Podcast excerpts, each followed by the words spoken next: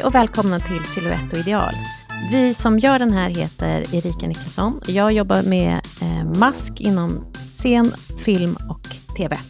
Och jag heter Sanna Nyström och jag jobbar med kostymen. Vi pratar om hur silhuetter och ideal har sett ut genom historien utifrån dagens film och tv-serier. Välkomna! Vad ska vi prata om idag? Idag ska vi prata om filmen som heter The United States vs. Billie Holiday. Och vi har också sett en dokumentär som bara heter Billie, och som också handlar om hennes liv. Ja, och den här dokumentären den kom 2019. Eh, filmen kom i år, 2021. Och sen har jag även tittat på Lady Sings the Blues från 1972. Med Diana Ross i huvudrollen, eller hur? Ja, med Diana Ross i huvudrollen. Var det en succé? Jag säger lite si och så, jag återkommer till den. Ja, det kan du göra. Det kan du göra. Uh, The United States vs. Bill Holiday, den är regisserad av en person som heter Lee Daniels och den är baserad på Joan Harris bok som heter Chasing the Scream som kom 2015. Och huvudroll har Andra Day. Uh, det är hennes första uh, skådespelarinsats om jag förstår saken rätt. Men hon är jazzsångerska i vanliga fall. Men det där har ju gått väldigt bra för hon blev Oscarsnominerad för rollen. Jag blev väldigt exalterad när jag såg att Natasha Lyon var med. Hon spelar Tallulah Bankhead och det är ju alltså hon som är med i Orange is the new black och Russian doll. Men hon har en jätte, jätteliten roll. Så att ja. det var inte så mycket att hurra för faktiskt. Hon, eller Billie Holiday började ju liksom uppträda på 30-talet i på Harlems nattklubbar när hon var tonåring. Men den här filmen hoppar ju in ganska sent, när hon redan är etablerad på 40-talet. Att det är egentligen 47 till 1959 när hon dog. Det är då, den tiden den utspelar sig, själva filmen United States vs. Billie Holiday. Ja, precis. Den är väldigt, eh, väldigt fokuserad på hennes eh, drogberoende och mm, FBI's jakt på henne. Och det är väl därför den heter som den heter. Men om man vill veta mer om hennes liv, då är det ju bättre att titta på dokumentären, för den tar ju upp en mycket längre bit av hennes liv och faktiskt lite mer av henne som människa, tycker jag, än eh, den här Hollywoodfilmen, som vi ändå får säga att det är. Det är en väldigt Hollywood-aktig film. Verkligen, och den fokuserar ju på FBI-jakten på droger, men även mycket på eh, låten Strange Fruit. Verkligen, och jag tänker att hon hade ju väldigt, väldigt många låtar, men här fokuserar hon som att det här är hennes allra eh, starkaste låt. Och det kanske också är den, hennes viktigaste legacy till i historien. Där måste jag säga att jag kan inte tillräckligt mycket om henne och hennes låtar för att kunna säga om det stämmer eller inte. Men det är ju en fantastisk låt som det är också flera stycken som har gjort eh, covers på, till exempel Susie and the Banshee eller eh, Annie Lennox till exempel. Och att den var stark för medborgarrättsrörelsen. Så den har ju varit väldigt betydelsefull låt. Ja, det är en väldigt drabbande låt. Det oh, får man gud, ju ja. verkligen är... säga. Man förstår att den skapade upp uppståndelse ja. när den kom. Ja. Kostymdesignern Paolo Nedo, han har jobbat flera gånger med regissören Lee Daniels. Till exempel i en serie som heter Empire, som har gått på tv, som jag inte har sett. Den stora grejen är ju att han har gjort ett samarbete med Prada för några utav klänningarna. Det är nio klänningar i filmen som är från Prada. Och det är ju alltså couture-sydda superklänningar. Och där har ju han eh, tillsammans med Pradahuset har ju de de har ju sökt i arkivet på gamla bilder, kollat bild, gamla bilder på Billie Holiday och så har han tittat och så har han, ja men kanske den här klänningen fast med den här ärmen eller, eller i den här färgen. Det är ju smart att göra ett samarbete med Prada, för det ger ju lite publicitet. och, låter, jag tycker inte du låter jätteimponerad, Sanne. Det... Nej, jag är inte jätteimponerad. Och jag tror att det är för att den här eh, kvinnan som spelar Bill Holiday, Andra Day, hon är ju fantastiskt vacker. Mm. Och att de har velat lyfta henne som ska vara supervacker när hon är liksom smashing, när hon är på topp. Och gör ner henne när hon är på botten. Men jag tycker med de här Prada-klänningarna, hon blir liksom lite för modell, super supersnygg. Ja, alltså jag såg också en intervju med henne där hon sa att hon hade gått ner väldigt mycket i vikt för den här rollen. Och eh, det har jag lite svårt att förstå, för att eh, om man tittar på bilder på Billie Holiday så var hon ju inte en trådsmal under större delen av sitt liv mer, utan hon hade en normal kvinnokropp och blev sen sådär supersmal i slutet, precis när hon var hårt härjad av sitt, sitt missbruk liksom, och mådde allt annat än bra och hade väl också leverproblem. Där är hon ju smal, men annars under sin tid så är hon inte trådsmal. Och då förstår inte jag den motiveringen att man ska gå ner i vikt för att, för att passa eh, tidens siluett. Ja, då hade jag, tänker jag att det hade varit eh, bättre om hon hade kanske gått upp några kilo, så att eh, om det var så att hon ville vara mest lik Billie Holiday, att det var för den skullen hon gick upp eller ner. Och då är ju också frågan, vem är det som har initierat att hon ska gå ner i vikt? Är det hon själv, eller är det regissören, eller är det kostymdesignen helt enkelt? Det vet vi ingenting om. Men, Nej. Jag håller Ja. helt med jag, jag kan ju säga då att på masksidan så är det Makeup Department Head, hon heter Laini Thompson. Och sen så har de ju i USA, som jag förstår saken rätt, uppdelat. Så att den som är ansvarig för hår och eh, perukdesign eh, heter Charles Gregory Ross. Och sen så har de en som är chef på Special Effects, så han heter Adrian Morot. Eh, och det är ingen som har, tag, eh, som har det övergripande ansvaret som, och kallar sig för makeup designer, utan det är uppdelat på olika avdelningar, om jag förstår saken rätt. Eh, jag tycker de har gjort ett eh, jättefint jobb maskmässigt faktiskt. De, man ser ju att de har gjort en gedigen research. Och eftersom hon var en känd person så är det ju väldigt mycket som är dokumenterat, mycket bilder, det finns mycket bilder och material på hur hon har sett ut när hon har uppträtt och när hon har varit på turné och sådär, vad hon har fått, haft för kläder, vad hon har haft för frisyr och vilka glasögon hon har haft och hur hon har varit sminkad. Um, och det kan man se att de följer väldigt noggrant och även att de har gjort uh, sin research med 49, 48, 49, då började man använda eyeliner på ett sätt och det använder de också, att de väntar med det tills det faktiskt kom. När hon står i början och sjunger till exempel, ehm, så håller hon upp handen mot mikrofonen och då ser man hennes naglar som är väldigt stiligt målade. Man har liksom lämnat ut en halvmåne nere vid, eh, längst nere vid nagelbanden och sen så har man lämnat ut vid, vid nageltippen. Och det där var ett sätt som man målade naglarna, var väldigt trendigt på 20-talet och tidigt 30-tal och det kallades för moon eh, manicure. Så där ser man att det har ju de tagit upp och att, eh, och att de har gjort den researchen. Det tycker jag är fint och man ser att det är många frisyrer som eh, de har kopierat över från bilder och så här, från fotografier som man har sett. Där tycker jag att de faktiskt har gjort det väldigt fint. Och det är ju samma med kostymen också, att den är helt, den är helt okej. Det är fint, det är mycket folk. Och de skulle ju vara klädda i epok. Och... När man har så mycket statister, där är det ju inte kostymdesignern som har hand om dem, utan då har man ju som ett eget team med någon som är ansvarig och gör kostym och maskprovningar för dem och har hand om deras kläder på inspelningen och sånt där. Ja, och det kan också vara värt att nämna så att när man gör en epokfilm som det här är, så måste alla statister komma in och provas. Eh, man måste ha in dem och, och prova kläder och göra, prova av frisyrer och glasögon, så att allting finns den dagen.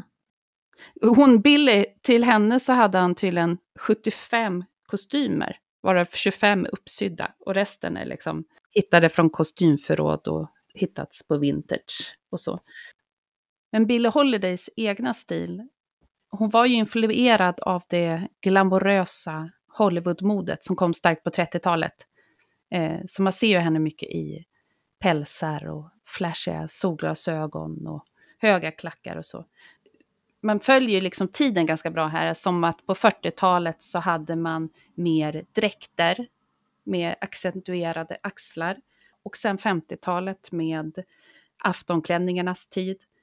Och sen slutet på 50-talet mer byxor och tröjor har hon i filmen, som jag också har sett henne ha på foton. Eh, så det, jag återkommer till det här där du pratade om eh, att det liknar från foton, att de har gjort sin research. När hon är i, sitter i rättegången där, då har, det finns det ju en jättefin bild på henne i en grå kritstrecksrandig eh, dräkt. Och eh, hon har ju precis som en kopi, kopia på den och samma frisyr. Så att de har ju verkligen tagit, valt ut vissa delar som är replikor kan man säga. Så de har blandat lite och blandat där de har hittat på. Till exempel så är det ju en scen där hon har några röda byxor, glittriga byxor och så står hon på scen och så kastar hon sig ut i publiken. Byxor hade hon antagligen inte, men de gjorde nog byxor för att hon skulle kunna kasta sig ut i publiken. Och örhängen känner jag igen. Hon har flera gånger i filmen de här runda ringarna i guld. De har jag sett på flera, flera bilder. Tydligen så gjorde hon eh, Billie Holiday på riktigt alltså, eh, så gjorde hon sitt eget hår och sminkade sig själv och sina naglar eh, jämt. Hon hade liksom inte någon som hjälpte henne med det. Och hur, det finns en historia om hur hon fick sin, den här signaturfrisyren eh, och med de här stora vita blommorna på sidan.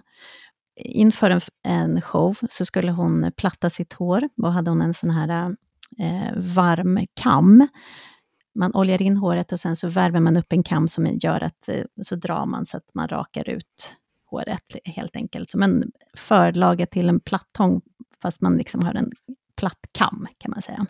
Och den där plattkammen, den lägger man in eh, och värmer så att den blir jättevarm. Och då hade den blivit för varm, så då brände den av en bit av hennes hår. Så då blev det helt tussigt där och då var hon tvungen att täcka över det lite snabbt innan hon skulle in på scen.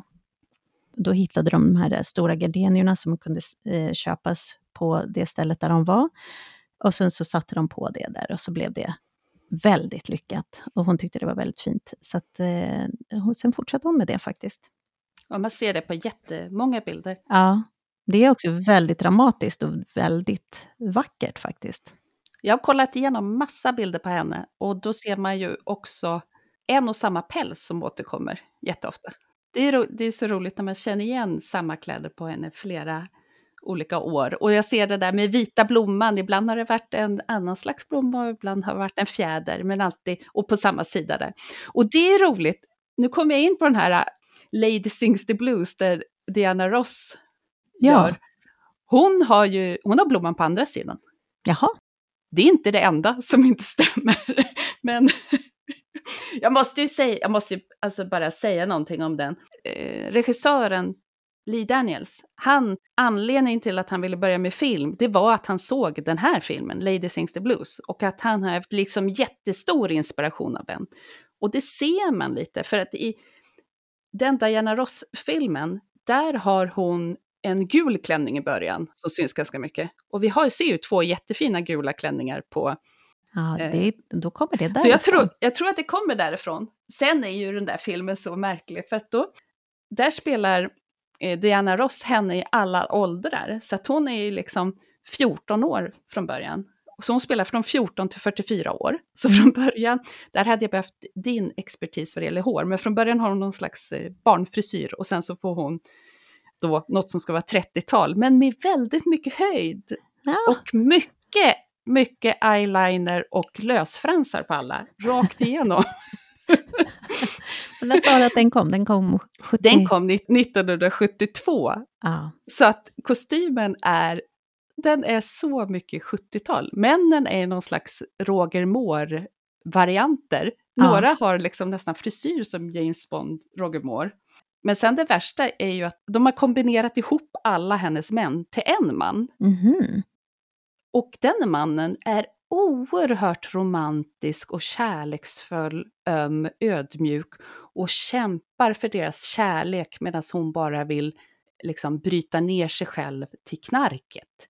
Gud vad märkligt. Vilket gör att det blir så här, när man sett dokumentären och man vet hur otroligt hon har blivit utnyttjad, misshandlad. misshandlad gaslightad, manipulerad. Jag tyckte det var provocerande faktiskt med dokumentären, för att där säger de upprepade gånger att hon gillar att bli lite misshandlad, att hon, gill, att hon är lite masochistisk, att hon gillar att bli satt på plats. För jag tänker, om man vet var hon kom ifrån, att hon hade blivit eh, sexuellt utnyttjad som barn, att hon hade jobbat på bordell från hon var 14 år, och att hon var en svart kvinna på den här tiden, innan medborgarrättsrörelsen hade dragit igång och i ett otroligt rasistiskt USA när, till exempel när hon turnerade runt med olika band. Om det var ett svart band så var hon alldeles för ljus i huden och var tvungen att sminka sig lite mörkare för att det inte skulle vara stötande. Och om hon reste runt med ett vitt band, eh, då fick hon inte bo på samma hotell som dem och inte gå på toaletten på samma ställe och hade sämst betalt fastän hon var deras huvudakt. Liksom. Och om man eh, dessutom lägger på att hon eh, knarkade ganska hårt och hade ett hårt eh, missbruk. Vilket... Och bara blev tillsammans med fullständiga skithögar. Skitstövlar. Ja men precis, som eh, misshandlar henne, som gaslightar henne, som manipulerar henne. Utnyttjar henne, tar hennes pengar. Så att hon också är ekonomiskt beroende av dem, fastän det är hon som drar in alla pengarna. Så jag tänker att om man har den historien, då vet man att Alltså det är inte så svårt att tänka att hon uppfattar det som att det enda hon förtjänar är att bli misshandlad och att det är det bästa hon kan få. Liksom. Så att, men att hon gillade det, det är ju provocerande. Det var oerhört provocerande, för det, det är ju bara vanlig klassisk kvinnomisshandel vi ser raka vägen igenom. Det var ju en eh, läkare, psykiatriker där också, som på en klinik som beskriver henne som psykopat. För att hon är lite impulsiv och inte bryr sig vad folk tänker. Det är ju också något, det känns ju också oerhört provocerande att de benämner henne så.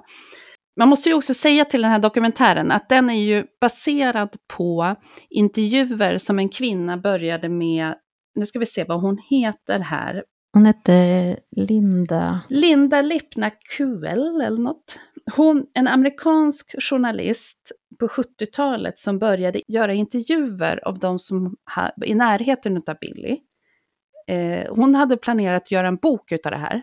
Men sen så dog hon så här, plötsligt och kanske mystiskt. Polisen säger att det var ett självmord, hon hoppade från balkongen. Medan familjen säger att det kanske var någon som kastade henne ut från balkongen för att hon hade upptäckt saker om, grävt fram saker om Billie Holiday. Men det vet man inte, men då är det en eh, regissören här, James Erskine, han har liksom baserat den här eh, dokumentären på hennes intervjuer. Mm.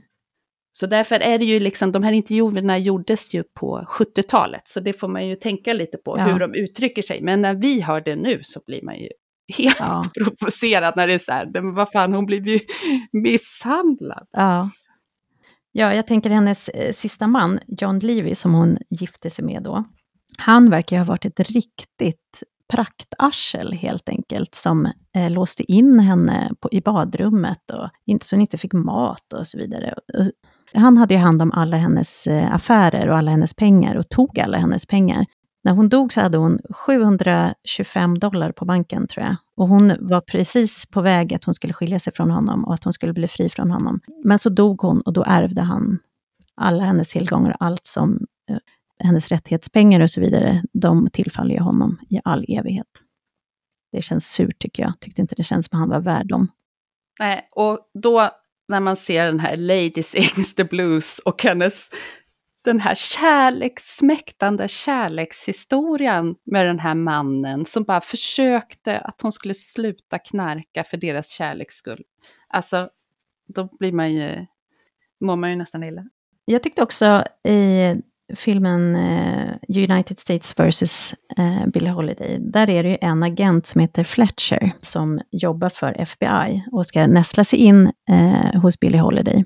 Och deras eh, relation i filmen blir ju framställd som eh, att de hade en riktigt het kärleksrelation.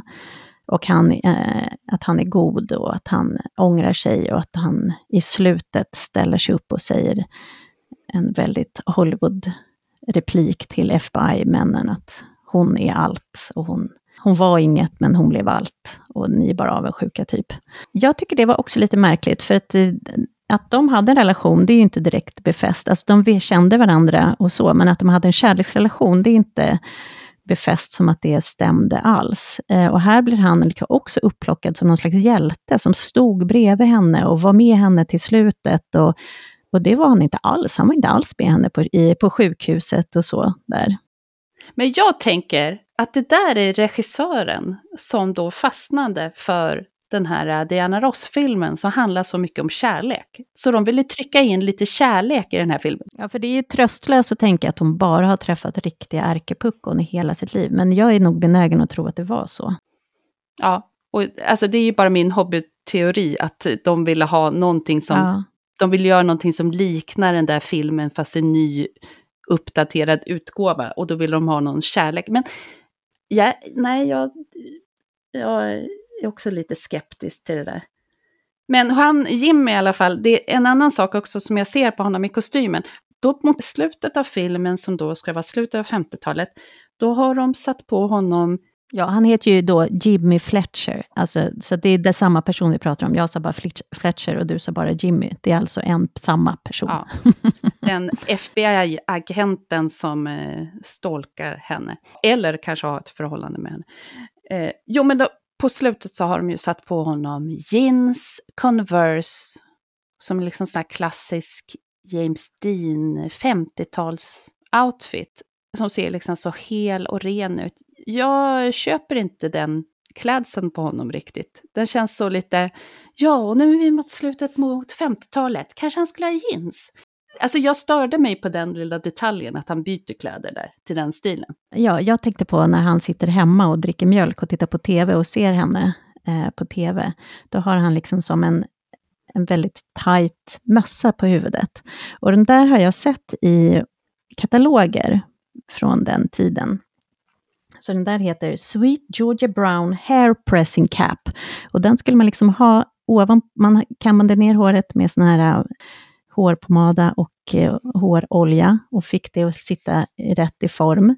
Eh, och sen satte man på en sån där liten mössa för att hålla håret eh, på plats. Och de här, det ser liksom precis ut på bilderna i den där katalogen, så som han har där. Så det är också en väldigt fin detalj faktiskt. En annan detalj som jag fastnade för, mm. det är ju... Billie Holiday hade ju en vän som heter Lester Young. Han kallades Press. Han får vi ju se i filmen, men vi får se honom ganska lite. Han var ju en känd saxofonist och en mycket nära vän till henne hela, hela livet. Det var också han som gav henne eh, smeknamnet Lady Day. Mm. faktiskt. Eh, men det man ser, känner igen honom på, det är att han har en speciell hatt som kallas pork pie hatt. Och då blev jag så glad att jag såg honom i den. Det har ju liksom varit lite av hans signaturplagg. Hur ser den ut? Berätta. Jo, det, den är som rund och platt upp till på kronan. Den är liksom lite nedtryckt så att det blir som ett, man kallar det teleskop. Men den är rund, platt. Brämet, själva kanten på hatten, är ganska smalt och sticker upp lite. Eh, dels, ja, det ser väl ut som en engelsk köttpaj kan man säga. Bra beskrivning. ja, till exempel Charles Mingus, känd musiker, han skrev till och med en minneslåt till Lester Young efter han dog som heter Goodbye Pork Pie Hat. Kanske Goodbye Pork Pie Hat. det är lite engelskt ja. uttal. Ja. ja, precis. Men den här hatten, den var ju som mest populär under 30-40-talet. Sen från 50-talet har den ju mest förknippats med jazz, blues, ska-kulturen, kanske lite Jamaicas subkultur rude boy. Så det var liksom det jag hajade till när jag såg den här filmen. Åh, en pork pie hatt! Och sen så bara, nej men det är ju han Lester Young som har den. Men jag förstår att du vill veta vad finns det för fler kända porkpie-hattar? Om jag vill, kan inte du berätta det? jo! Först var det ju han, Lester Young. Och han köpte alltså Homburg-hattar. Det är en annan slags hatt. Och eh, tryckte till de här själv, tryckte ner själva kronan på den. Och det var ju alltså hans signaturplagg länge. Han hade den hela 20 till 50-talet. Men innan det så var det stumfilmsstjärnan Buster Keaton. Då hade han en sån. Han ville ha någonting stadigare än den typiska stråhatten man hade då. Han tog en Fedora-hatt och formade om. Och den ser man honom i alltid. Så det var hans signaturhatt. Men sen är det Gene Hackman i French Connection. Han har en porkpie-hatt. Och Robert De Niro i Mean Streets. Men sen också nu senast så är det en porkpie-hatt som Walter White sätter på sig i Breaking Bad. Ja. Just det, det är där man känner igen den mest ifrån. Jag har en fråga. Mm. Mot slutet, hon hade ju leverproblem på grund av allt alkohol och missbruk Ja. och allting. Och på slutet när hon ligger i sjukhuset, Ja. är det så att jag ser att hon har lite gula ögonvitor när hon ligger i sängen? Jag vet faktiskt inte riktigt. Jag tänker om man ska göra någonting med ögonvitorna i vanliga fall. Det finns ju sån här ögonblod man kan droppa i precis innan, om det ska, så att det ska blöda ur ögonen. Och det kanske finns någonting ögongult man skulle kunna droppa i precis innan. Det har jag aldrig sett, men det är mycket möjligt att det finns. Det vet jag inte. Och annars om man ska påverka ögonvitorna, då måste man ju liksom ha såna där stora linser som heter sklarlinser som täcker även ögonvitorna som det finns om man ska göra en zombie eller något annat Mm. otyg, som man kan göra att hela ögat blir svart och sådana där saker. Det kanske är så att man kan göra ögonvitan gul, men jag vet faktiskt inte riktigt.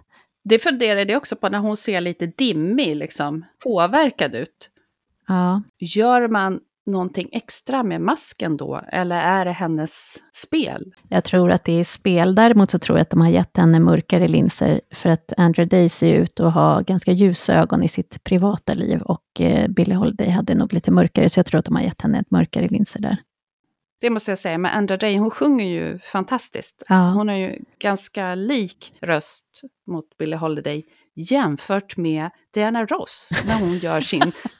Gud, jag är väldigt ledsen att inte jag har sett den här Diana Ross-filmen, för det känns Ja. ju som det hade varit väldigt roligt att se faktiskt. när hon gör sin souliga Motown-variant av Billie Holidays alla låtar.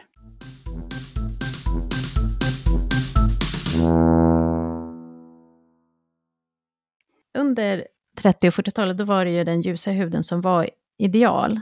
Och även om man ville ha lockiga frisyrer och lockigt hår, så var det ju inte ett vilt, fluffigt, självlockigt hår och än mindre ett afrohår som var liksom idealet, utan det gällde ju att det gällde ju att tukta det håret om man hade sånt hår. Och då eh, är det väldigt svårt att hitta information, tycker jag, om hur detta gjordes eller vad för produkter de använde och så, utan att det är väl, om man läser mina böcker eller om man läser på nätet och man tänker 30-40-tal, inspiration, trender och så, så är det ju bara vita kvinnor helt enkelt som är på bilder.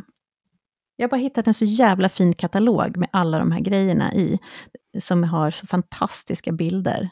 Där nästan alla produkter går ut på att man ska bli ljusare eller att man ska få rakare hår. Där finns det också reklam för, för sån här hårfärgningskräm som hon penslar på sig i slutet av filmen. Och det var eh, en produkt som både skulle hålla håret på plats, men också färga bort eh, gråa hårstrån. För i början så tänker jag så här, men vad är det hon smetar i håret? Det är ju så tydligt en färg. Men den produkten, den finns också i den där katalogen. En väldigt spännande katalog med många eh, spännande varor. Allt ifrån eh, Sweet Georgia Brown Hair Pressing Cap, hettan som eh, Fletcher har på sig, till lusmedel och till puder. Och eh, de har väldigt fina namn med väldigt sexuellt anspelande. Idag kanske vi skulle tycka att det var lite sexistiskt, men på den tiden så var det ändå, låg det i framkant. Eh, det kunde heta Hello Beautiful, eller Hug Me Tight, eller Follow Me Boy, och det var olika parfymer, olika eh, puder. Under den här tiden så var det, mest fokus, det som man fokuserade mest på i sminket, det var läpparna. Det var läppstiftet som var den stora grejen och det var det man skulle fokusera på. Och under 40-talet, när andra världskriget kom igång, då valde man ändå att fortsätta att producera läppstift, även om man egentligen att det var eh, lite ransonering på många olika saker, och man tänkte den där kan inte vara viktigt. Då hävdade man ändå att läppstiftet, det var lika viktigt för kvinnorna som cigaretterna var för männen. Och därför så valde man ändå att fortsätta att producera läppstift för att eh, behålla moralen. Både för att kvinnorna skulle fortsätta känna sig vackra, men också att männen skulle ha något vackert att titta på. Och då, eh, det var ju också väldigt många kvinnor som gick ut i och faktiskt var med i armén. Eh, men det hindrade inte att man använde läppstiftet. Eh, Elisabeth Arden hon tog till exempel fram ett kit med läppstift, rouge och nagellack och det hette Montezuma Red och det matchade väldigt bra till den amerikanska kvinnliga flottans uniformer. hennes signatur är ju egentligen läpparna, en aftonklänning, juveler. Och den stora gardenian vid sidan. Och den stora gardenian, ja. men att det är läpparna där också. Ja. Den här glamorösa, lyxiga stilen, det stack också i ögonen på folk att, att hon hade sina pälsar, sina diamanter, tjusiga aftonklänningar med kanske pärlbroderier och i satäng, eller siden, för att en svart kvinna som lyckades, hon var ju egentligen längst ner på stegen här, stod på scen och vågade ta för sig och var så lyckad. Ja, men för jag tänker också att en person, eh, en svart kvinna på den här tiden, som också är så lyckad, hon är ju såklart också en, en ledstjärna för andra. Eh, som man kanske helst vill ska stanna på sin plats, men så helt plötsligt så blir hon ett tydligt tecken på att det här, man kan lyckas och det kan också, eh, man kan vara så här fantastisk. Ja, för det sades ju på den tiden så här, hur vågar hon stå där med sin päls? Hur vågar hon ha eh, diamantörhängen? Så att det var ju något provocerande som också för henne kanske var något rebelliskt, en, ett statement att jag klär mig som en kvinna i den här positionen klär sig. Mm, de har ju ändå gjort hennes förfall ganska eh, fint. Och när hon, Eh, att det är ju en stor skillnad när hon sitter i fängelse eller när hon ligger i sjukhussängen eh, än vad det är när hon står på scenen. Och även i slutet, det tycker jag man ser både i dokumentären och att de faktiskt har lyckats fånga i den andra filmen, att hon är så nedgången i slutet och att hon eh, är så mager och är faktiskt hon ser ju knäckt ut, liksom, både i båda filmerna. Och det tycker jag att de har fått fram fint. Jag tänker också på Edith Piaf, som ju känns som att hon levde ett eh, liknande liv, som uppväxt på gatan, eh, med en mamma som var prostituerad och levde hårt och söp, hade många män och knarkade också och hade en, en fantastisk musikalisk karriär, men ett riktigt stormigt och tragiskt liv faktiskt. Och dog ju... Alldeles strax efter Billie Holiday. Hon dog 1963. Ja. Och hur gammal var hon då? Hon, hon var, var också 40 väl någonting. 46, 47 någonting. Ja. Och hon såg ju också ut som en, verkligen som en liten fågel i slutet av sitt liv. Alltså de påminner väldigt mycket om varandra. Eh, jag blev faktiskt också trött i slutet på den här United States versus Billie Holiday. Det är ett väldigt långt namn tycker jag att säga hela tiden. Men tycker den började väldigt bra, jag, då var jag väldigt intresserad.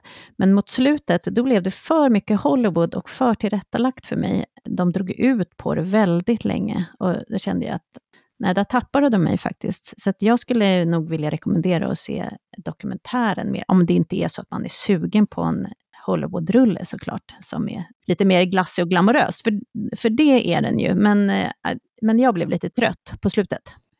Jag tycker kostymen är helt okej, okay. den är bra. Det är två gula klänningar som är helt fantastiska Prada-klänningar. Till exempel är det en mönstrad som har fransar när hon springer ute på fältet. Den är sjukt snygg. Och en annan gul klänning som är jättefin.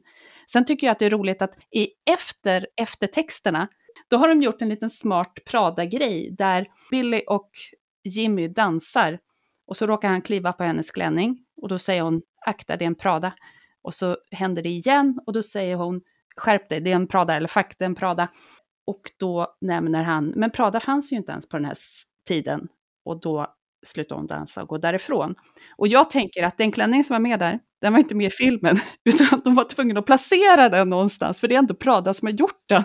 Ja. Så de var tvungna att trycka in den här lilla extra, extra delen. Och så kan det ju vara, att man som kostymdesigner har gjort en klänning, lagt ner jättemycket tid och sen så klipper man bort den delen. Så surt.